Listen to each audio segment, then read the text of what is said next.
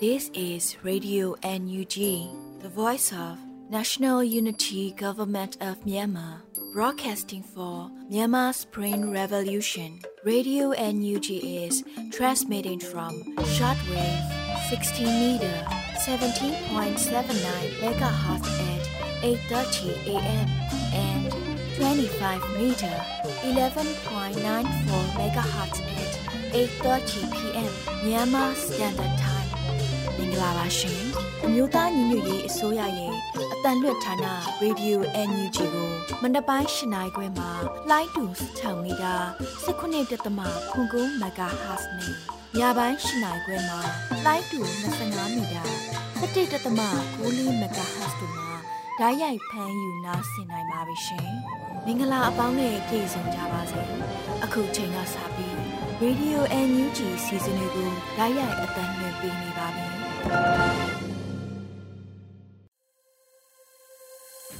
မြန်မာနိုင်ငံသူနိုင်ငံသားအပေါင်းတဘာဝပြီးဆေးဟာနာရှင်ပြီးတို့ကနေကင်းဝေးပြီးကိုစိတ်နှပါဘေးကင်းလုံခြုံကြပါစေလို့ရေဒီယိုအန်ယူဂျီဖွဲ့သားများကဆုတောင်းမြတ်တာပို့သလိုက်ရပါတယ်ရှင်။အခုချိန်ကစပြီးကာကွယ်ရေးဝန်ကြီးဌာနရဲ့စီရေးသတင်းချင်းချုပ်ကိုတော့ Sordes တူနီမှဖက်ကြားတင်ပြပေးပါတော့မယ်ရှင်။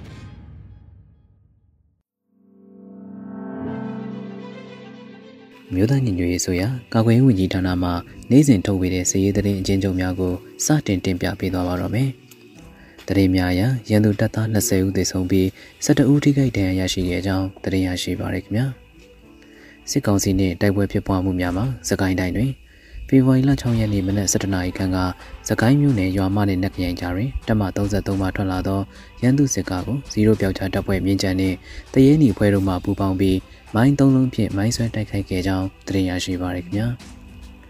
ဖေဖော်ဝါရီလ6ရက်နေ့မနက်8:30မိနစ်မှ9:15မိနစ်ခန့်ထိဒဇယ်မြို့နယ်ပေကုန်းရွာလမ်းခွဲအနီးတွင်အင်အား130ဦးခန့်ပါလာသောရန်သူစစ်ကြောင်းကို ပြည်သူ့ကာကွယ်ရေးတပ်မတော်ရွှေဘိုခရိုင်တရင်6ဒဇယ် PDF တရင်9ဖိနစ်ဒဇယ်နှင့်တရင်25 TPC တို့ကစောင့်ကြိုတိုက်ခိုက်ခဲ့ရာရန်သူတပ်သား12ဦးထပ်မံထိခိုက်ဒေဆုံးခဲ့ကြောင်းသတင်းရရှိပါရခင်ဗျာဖေဖော်ဝါရီလ6ရက်နေ့နေ့လယ်တနာရီခန့်က ဒဇယ်မျိုးနယ်ကန်ထူးမှစံပြရာတွင်ဝင်ရောက်တက်ဆွဲထားသောရန်သူစစ်ကြောင်းကိုပြည်သူ့ကာကွယ်ရေးတပ်ဖွဲ့များက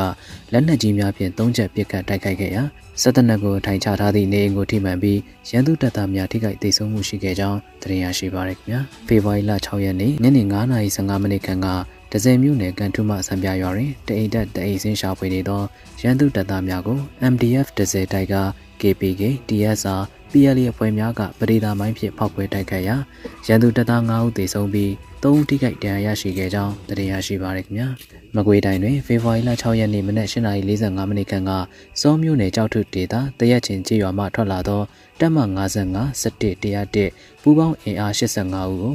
ငလွန်းကျေးရွာတောင်ဘက်သို့ရောက်ရှိစဉ်ပြည်သူ့ကာကွယ်ရေးတပ်မတော်ကံကောခရိုင်အမှတ်9တပ်ရင်တပ်ခွဲ3တပ်စုနှင့်တပ်စိတ်တထက်မှအသင့်ဆောင်ထားသော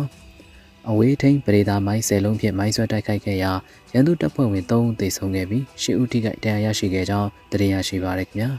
စစ်ကောင်စီကျူးလွန်သောရာဇဝတ်မှုများမှာစကိုင်းတိုင်းတွင်ဖေဖော်ဝါရီလ9ရက်နေ့က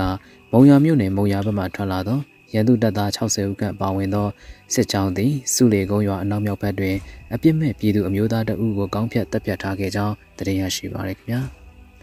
မန္တလေးတိုင်းတွင်ဖေဖော်ဝါရီလ9ရက်နေ့နနက်ပိုင်းကငဇွန်မြို့နယ်မြေတိုင်းကျေးရွာတွင်နေထိုင်သောပြည်သူတို့ပိုင်ဆိုင်သည့်နွားအကောင်20နီးပါးကိုရန်သူတပ်သားများကခိုးယူသွားခဲ့ကြောင်းသိရရှိပါရခင်ဗျာယခုပေါ်ပြလာသောသတင်းများကိုမြေပြင်သတင်းတာဝန်ခံများနဲ့သတင်းဌာနများမှပေါ်ပြလာသောအချက်အလက်များပေါ်တွင်အခြေခံပြုစုထားခြင်းဖြစ်ပါတယ်ကျွန်တော်စောတဲလူနေပါ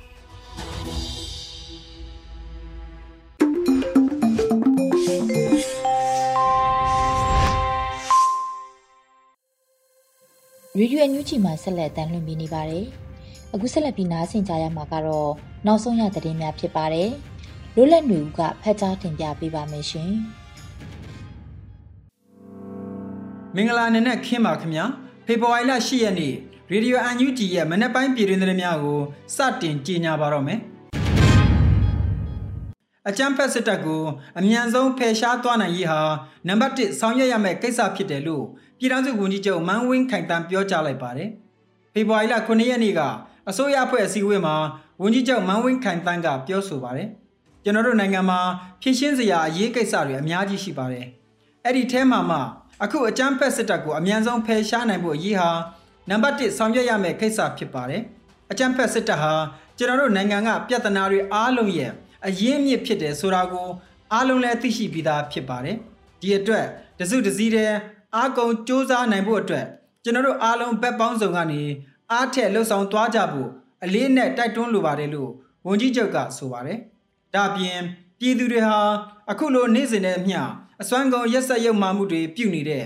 လက်နက်မိုးပြီးအုပ်ချုပ်နေတဲ့စစ်တပ်ပေါ်အခြေအနေတွေရခေါင်းငုပ်ပြီးနေနေရပေမဲ့အခွင့်အခါသိရင်ရတယ်လို့စန့်ကျင်နိုင်ဖို့ စ조사နေကြတယ်ဆိုတာကိုဖေဖော်ဝါရီလ၁ရက်နေ့အတန်တဲ့တပိတ်အောင်မြင်မှုကိုကြည့်ရင်တေချာစွာသိမြင်နိုင်မှာဖြစ်တယ်လို့ဝန်ကြီးချုပ်ကထပ်လောင်းပြောဆိုခဲ့ပါတယ်ခင်ဗျာ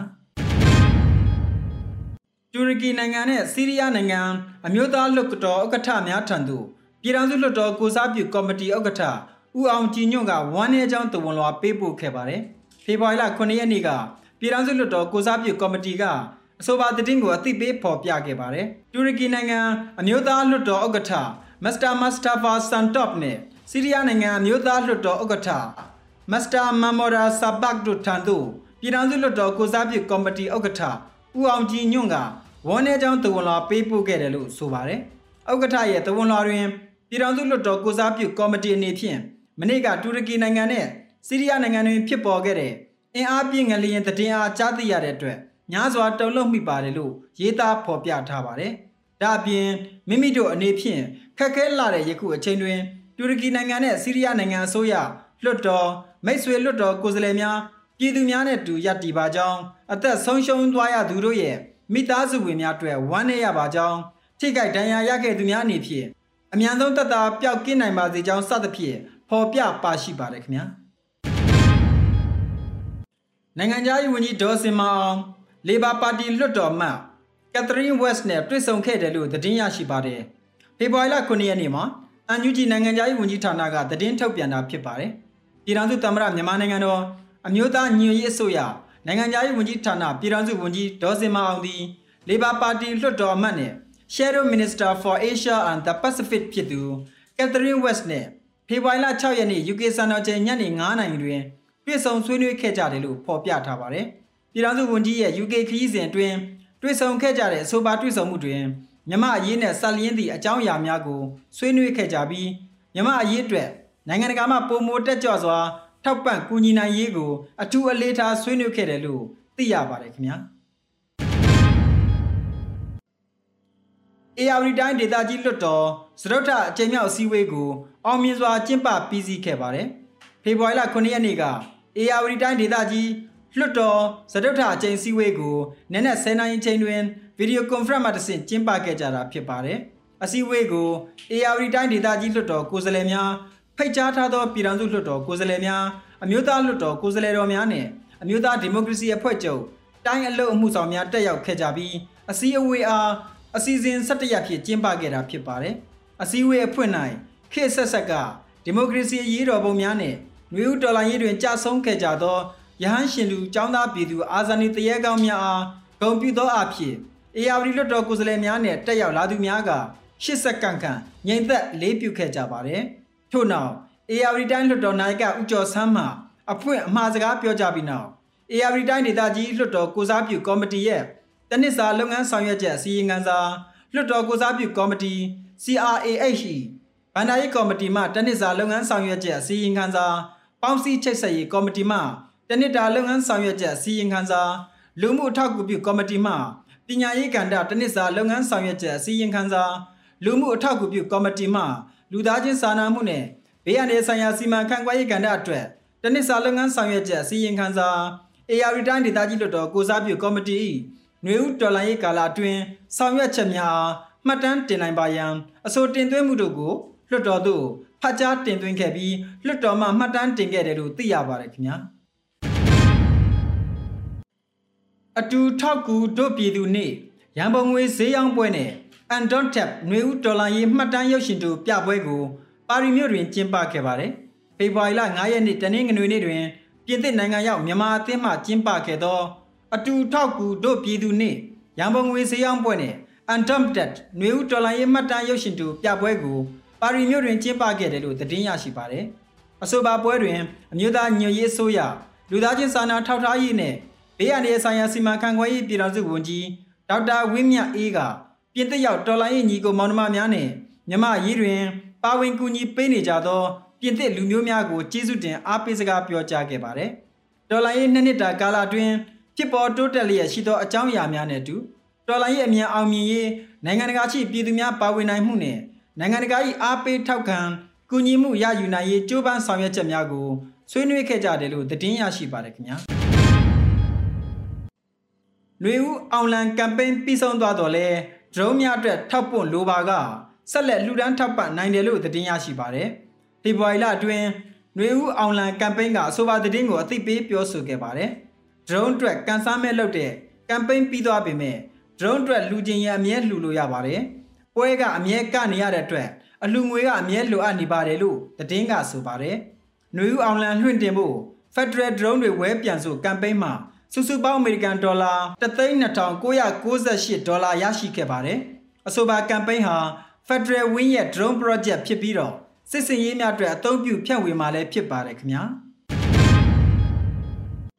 မန္တလေးနဲ့မုံရွာမှတော်လိုင်းအင်အားစုများကဥဆောင်၍စကိုင်းတိုင်းဒေသကြီးစလင်းကြီးမြို့နယ်အတွင်းရှိကာကွယ်ရေးတပ်ဖွဲ့များသို့နိုင်ငံရေးသိကောင်းစရာများဟောပြောပို့ချခဲ့ပါတယ်။ဖေဖော်ဝါရီလ9ရက်နေ့မှာ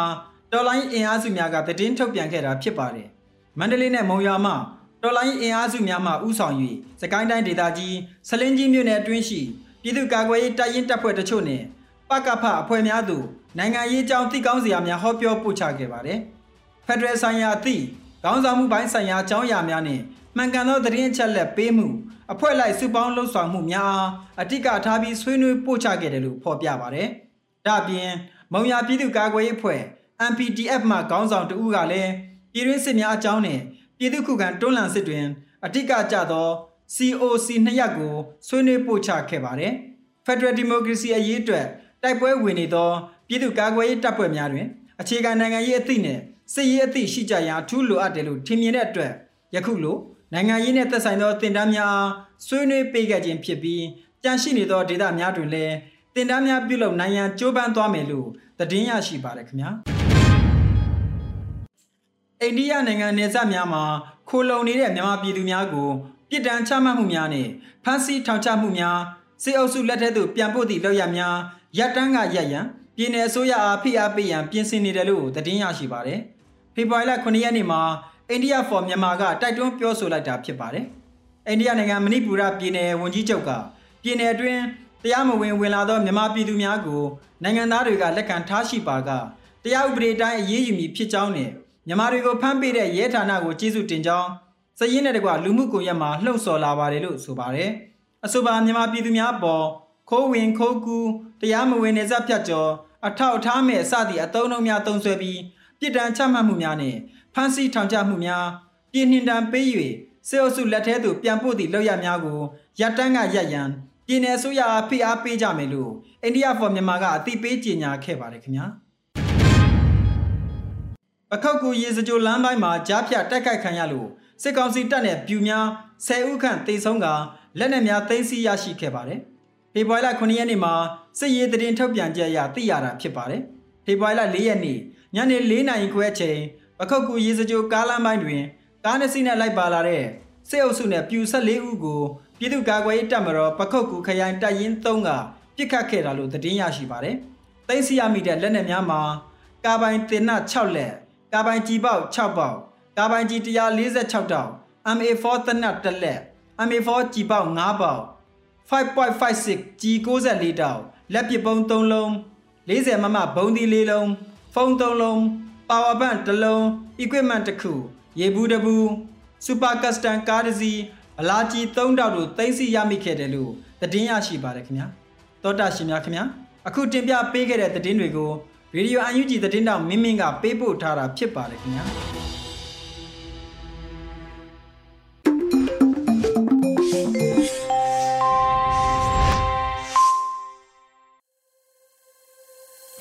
ဗီဒီယိုညူချီရဲ့မနက်ခင်းစီစဉ်တွေကိုဆက်လက်တင်ပြနေပါတယ်။ အခုဆက်လက်ပြီးတော်လန်ရေးကဗျာအစီအစဉ်မှာတော့နေတွင်နိုင်ရေးသားပြီးနှွေဦးမှုရွတ်ဖတ်ထားတဲ့ငါသာစစ်သားစစ်တယောက်ဖြစ်ခဲ့ရင်လို့အမည်ရတဲ့တော်လန်ရေးကဗျာကိုနားဆင်ကြရတော့မှာဖြစ်ပါတယ်ရှင်။ငါသာစစ်သားစစ်စစ်တယောက်ဆိုရင်နေ့စဉ်ဆိုခဲ့တဲ့တစ္ဆာတရားတွေနဲ့ငါသေးရဲ့ငါသာစစ်သားစစ်စစ်တယောက်ဆိုရင် ကျောင်းတော်ကြီးစီကသင်ခဲ့တဲ့စစ်ပညာတွေနဲ့ငါတိုင်းပြည်ကြီးရဲ့တတိုင်းမှာအုတ်တစ်ချက်တဲတပွင့်အဖြစ်ကာကွယ်သူကြီးဖြစ်နေလောက်ရဲ့ငါသာစစ်သားစစ်စစ်တယောက်ဆိုရင်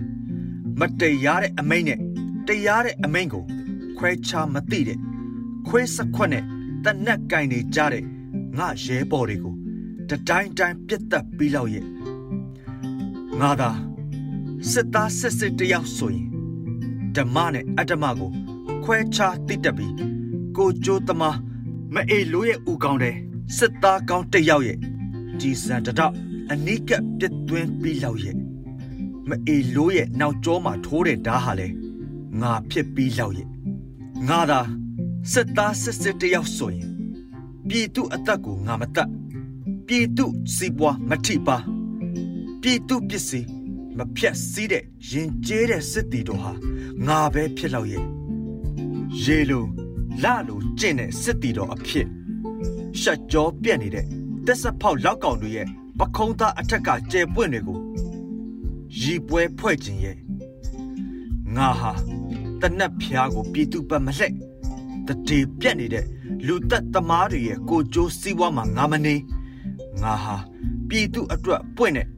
စစ်တီတော်အဖြစ် ဝန်စားပြီးလောက်ရဲ့ငါသာစစ်သားစစ်စစ်တယောက်ဆိုရင်ပြည်သူစီယိုမှာခွေးစိတ်ဝင်နေတဲ့မအေလိုးရဲ့အသက်ကိုချိတ်ပြီးပြည်သူနှလုံးကိုတင်းကျုံပြီးလောက်ရဲ့ငါသာစစ်သားစစ်စစ်တယောက်ဆိုရင်ငါအမေအိမ်ငါပြန်တဲ့အခါအမေသားကြီးဟဲဆိုပြီးအမေကန်းတဲ့တပြေပန်းတဲ့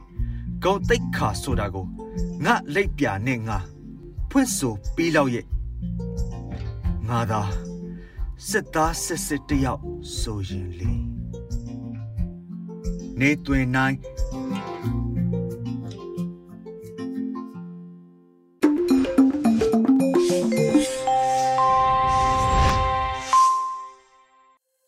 ရေဒီယိုမြူဂျီပရိသတ်တွေအတွက်ကူးဆက်လက်ပြီးထုတ်လွှင့်ပေးမယ့်စီစဉ်ကတော့ပြည်သူခုခံစစ်တရင်များဖြစ်ပါတယ်။အောင်ຫນွေဦးကဖတ်ကြားတင်ပြပေးပါမယ်ရှင် ပထမဆုံးအနေနဲ့ပခုတ်ကူရေစကြိုကားလမ်းမှာစစ်ကောင်စီတပ်ဖွဲ့ဝင်များလိုက်ပါလာတော့ကားနစီပစ်ခတ်ခံရပြီးလက်နက်ခဲများတင်းစီရမိတဲ့တရင်ကိုတင်ဆက်ပါမယ်။မကွေးတိုင်းပခုတ်ကူရေစကြိုကားလမ်းတွင်စစ်ကောင်စီတပ်ဖွဲ့ဝင်များလိုက်ပါလာတော့ကားနစီကိုပစ်ခတ်တိုက်ခတ်မှုစစ်သား10ဦးသေဆုံးပြီးလက်နက်ခဲများတင်းစီရမိကြောင်းပြည်သူ့ကာကွယ်ရေးတပ်မတော်ပခုတ်ကူခရိုင်တရင်သုံးကထုတ်ပြန်ပါတယ်။ဖေဖော်ဝါရီလ4ရက်ညနေ4နာရီခွဲအချိန် ပခုတ်ကူရေစကြိုကားလမ်းတင်ရရှိကိုရှိန်စီဆိုင်ရှိတွင်စစ်သားများလိုက်ပါလာသောကားနှစ်စီးကိုပြည်သူ့ကာကွယ်ရေးတပ်မတော်ပခုတ်ကူခရိုင်တရင်သုံးကပြစ်ခတ်တိုက်ခတ်ရာအကြမ်းဖက်စစ်ကောင်စီတပ်ဖွဲ့ဝင်9ဦးကိုနေရာတွင်တေဆုံးကြောင်းကားတစ်စီးလွတ်မြောက်သွားပြီးလွတ်မြောက်သွားသော CRV ကားပေါ်တွင်ပါသွားသည့်စစ်သား3ဦးမှာစေယုံတွင်ထပ်မံတေဆုံးခဲ့ကြောင်းတိုက်ခတ်မှုကြောင့်စုစုပေါင်းစစ်သား10ဦးတေဆုံးပြီး3ဦးအပြင်းထန်ဒဏ်ရာရရှိခဲ့ကာ လက်နက်ခဲများတင်းစီရမိခဲ့ကြောင်းသိရပါတယ်။ပြစ်ခတ်တိုက်ခတ်မှုသည်9မိနစ်ဝန်းကျင်ကြာမြင့်ခဲ့ပြီးပြည်သူ့ကာကွယ်ရေးတပ်မတော်သားများအထိကိမရှိကြောင်းသိရပါတယ်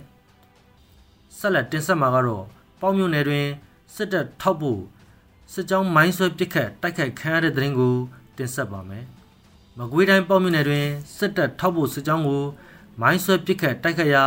စစ်သား12ဦးသေဆုံးနိုင်ကြောင်းမြိုင်ပြည်သူ့ကာကွယ်ရေးတပ်ဖွဲ့ မြိုင်ပခပါမှဘိုးလက်ရကဆိုပါတယ်။ဖေဖော်ဝါရီလ9ရက်မွန်းလတနိုင်ဝင်းကျင်ချင်းပေါမြို့နယ်ဖလန်ကိုင်းရေနံမြေမှပြန်လာသောစစ်တပ်ထောက်ဖို့စစ်ကြောင်းကိုဝဲတူးရေနံမြေအကျော်တနေရာတွင် မြိုင်ပြည်သူ့ကာဝေးတပ်ဖွဲ့မြိုင်ပကဖဇာမနီပျောက်ကြားတပ်ဖွဲ့ကချောင်းမြောင်ပစ်ခတ်ကစစ်သားတဦးတေဆုံးကြောင်းရင်းနောက်ရှေ့ထွက်မိုင်းနှလုံးဖြင့်တိုက်ခတ်ခဲ့ရာစစ်သား၁၀ဦးခန့်တေဆုံးနိုင်ကြောင်းဘူလက်ရကပြောဆိုပါတယ်။ ဒဇယ်တိုက်ပွဲများမှာစစ်တပ်ဘက်မှ18ဦးထပ်မံတေဆုံးတဲ့တဲ့ရင်ကိုဆက်လက်တင်ဆက်ပါမယ်။စကိုင်းတိုင်းဒဇယ်မြို့နယ်တွင်ဖေဖော်ဝါရီလ6ရက်နေ့တရက်ထဲတွင်တိုက်ပွဲ၃ကြိမ်ဖြစ်ပွားခဲ့ရာစစ်ကောင်စီတပ်ဖက်မှ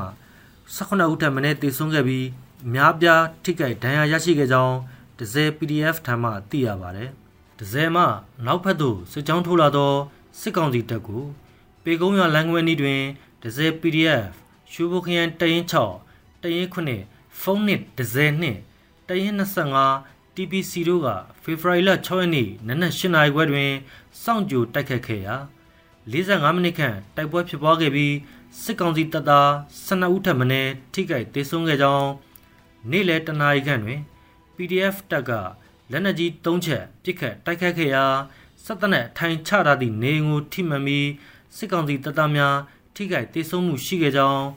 ညနေ9:15မိနစ်တွင် MDF ဒဇယ်ထိုင်ဂါ KPK TSR နှင့် PLA အဖွဲ့တို့ကဗရေဒါမိုင်းဖြင့်ဖောက်ခွဲတိုက်ခတ်ခဲ့ရာစစ်ကောင်စီတပ်သား9ဦးသေဆုံးပြီး3ဦးမှာဒဏ်ရာများဖြင့်ထွက်ပြေးသွားခဲ့ကြောင်းမဟာမိတ်တများအထိကိမရှိကြောင်း MDF ဒဇယ်ထိုက်ဂါရှေ့တန်းရဲဘော်တူကဆိုပါတယ်။နောက်ဆုံးတစ်ဆက်မဲ့သတင်းကတော့အရာတော်တွင် စစ်တပ်ကို drone ဖြင့်ဘုံသီးချတိုက်ခိုက်ခဲ့တဲ့သတင်းကိုတင်ဆက်မှာဖြစ်ပါတယ်။စကိုင်းတိုင်းအရာတော်မြို့နယ်တွင်အကြမ်းဖက်စစ်တပ်တပ်ဆွဲထားသော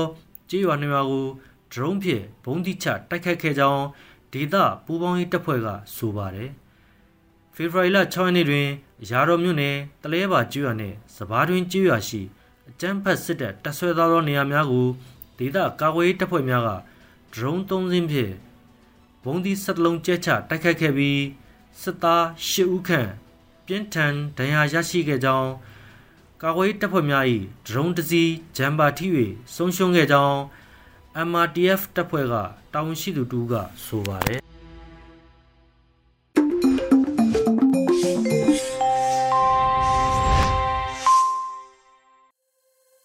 ရေဒီယိုညူးချီကိုနားတော်တာဆင်နေတဲ့ပရိသတ်များရှင် ဒီနေ့ရဲ့တော်လှန်ရေးတေဂီတာအစီအစဉ်မှာတော့တေးရီစလိုင်းထန်ကီတေးဆူချမ်းမြေညူရဲ့တစ်ချိန်လုံးကငိမ့်ချမ်းရမြေလို့အမည်ရတဲ့တော်လှန်ရေးတေဂီတာကိုနားဆင်ကြရတော့မှာဖြစ်ပါတယ်ရှင်။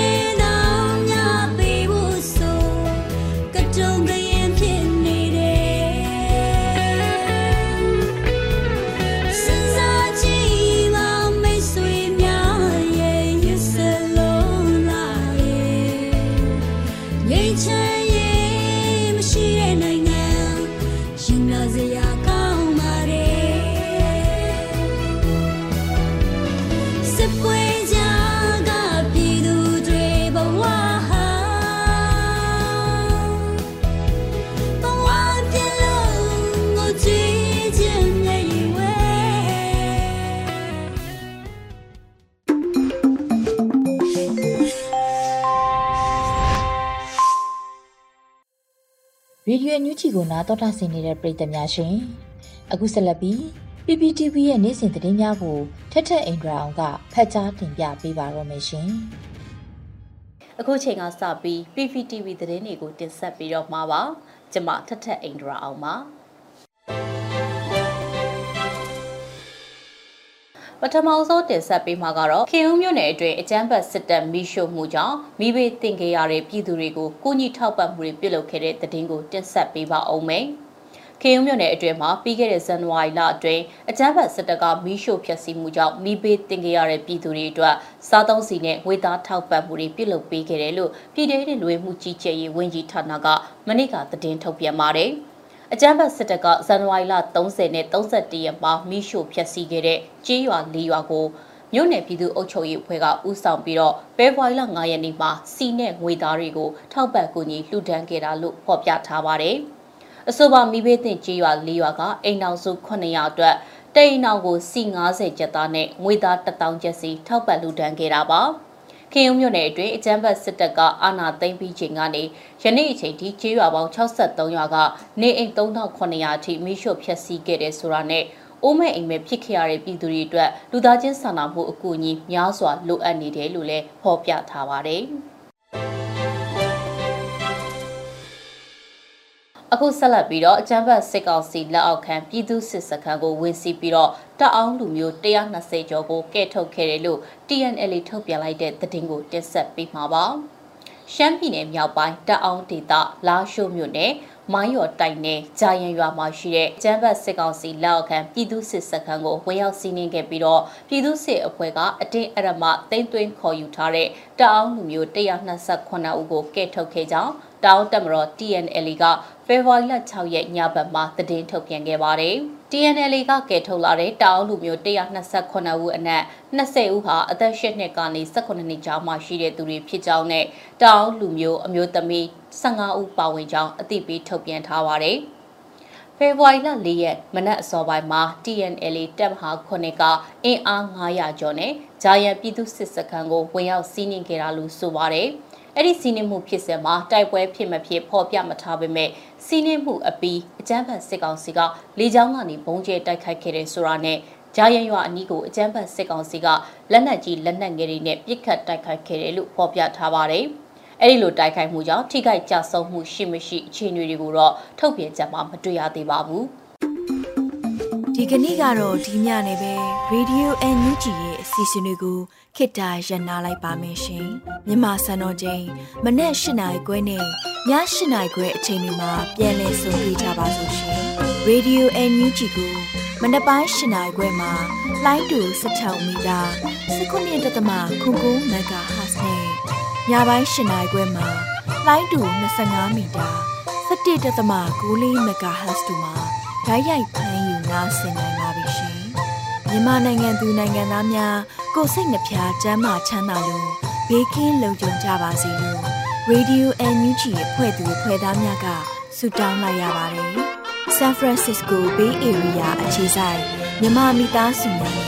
နိုင်ငံတကာကစေတနာရှင်များလိုအားပေးများရဲ့ Radio NUG ဖြစ်ပါတယ်ရှင်။အရေးတော်ပုံအောင်ရမည်။